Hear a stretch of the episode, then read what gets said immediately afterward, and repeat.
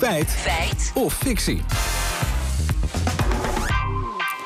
En dat gaat vandaag over het prijsplafond op de energierekening en staatssteun. Waarom, Ruben? Ja, gisteren presenteerde het kabinet een prijsplafond. Dat moet voorkomen dat veel Nederlanders hun energierekening niet meer kunnen betalen. De NOS vroeg aan minister Kaag waarom deze maatregel pas nu genomen wordt. En daarop gaf ze dit antwoord. Binnen Europese regelgeving tot heel kort geleden is het zo dat je alleen maar kon kijken naar bijvoorbeeld een beperking op de prijs voor een hele afgebakende groep huishoudens. We hebben natuurlijk gezien met de ontwikkeling van de prijs dat veel meer huishoudens, lage middeninkomens zijn getroffen.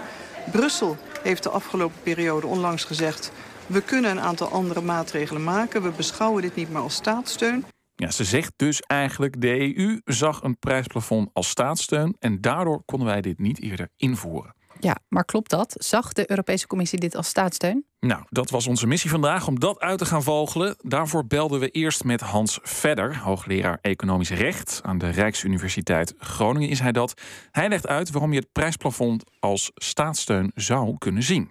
Op het moment dat je het verschil uh, tussen het plafondprijs en de daadwerkelijke marktprijs moet gaan bijpassen voor die energiebedrijven, dan zullen die daarmee staatssteun ontvangen. Ja, ja want de overheid betaalt een deel van de energierekening. Dat gaat natuurlijk rechtstreeks van overheid naar energiebedrijven. Ja, en dat is staatssteun. Oké, dat is dus duidelijk. Maar die regels, zijn die dan heel, zijn die zo streng? Zijn die echt in beton gegoten? Nee, zegt Saskia Lafrijze. Ze is hoogleraar regulering en toezicht energiemarkt bij de Tilburg University. En zij ziet wel ruimte voor discussie daarover. Het is een heel complexe materie. Er waren al wel bepaalde regels, maar die, die kun je wel toepassen en interpreteren. Dus ze hadden al wel eerder kunnen nadenken over hoe ga je dit Hè, hoe ga je dit vormgeven? En er had ook in het voorjaar hadden maatregelen kunnen worden genomen die dan hadden kunnen worden getoetst door de Europese Commissie.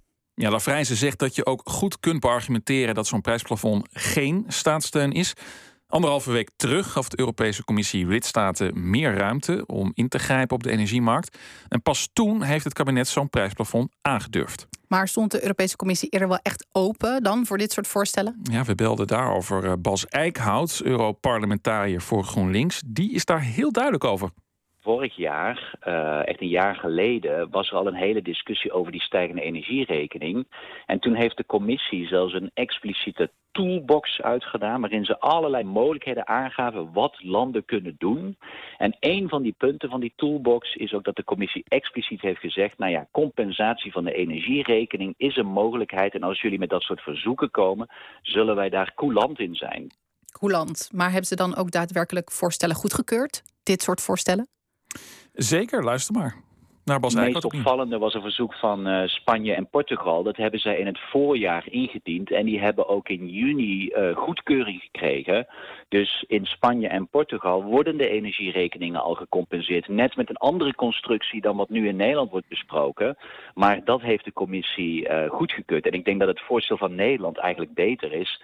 Dus ja, ik acht de kans gigantisch groot dat de commissie hier oké op gaat zeggen. En ja, dat had Nederland dus echt al eerder kunnen indienen.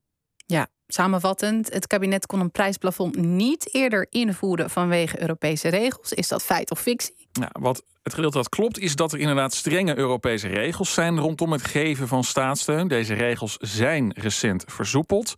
Maar de Europese Commissie heeft Spanje en Portugal in juni al toestemming gegeven voor een prijsplafond. Dus ook Nederland had al eerder een verzoek kunnen indienen.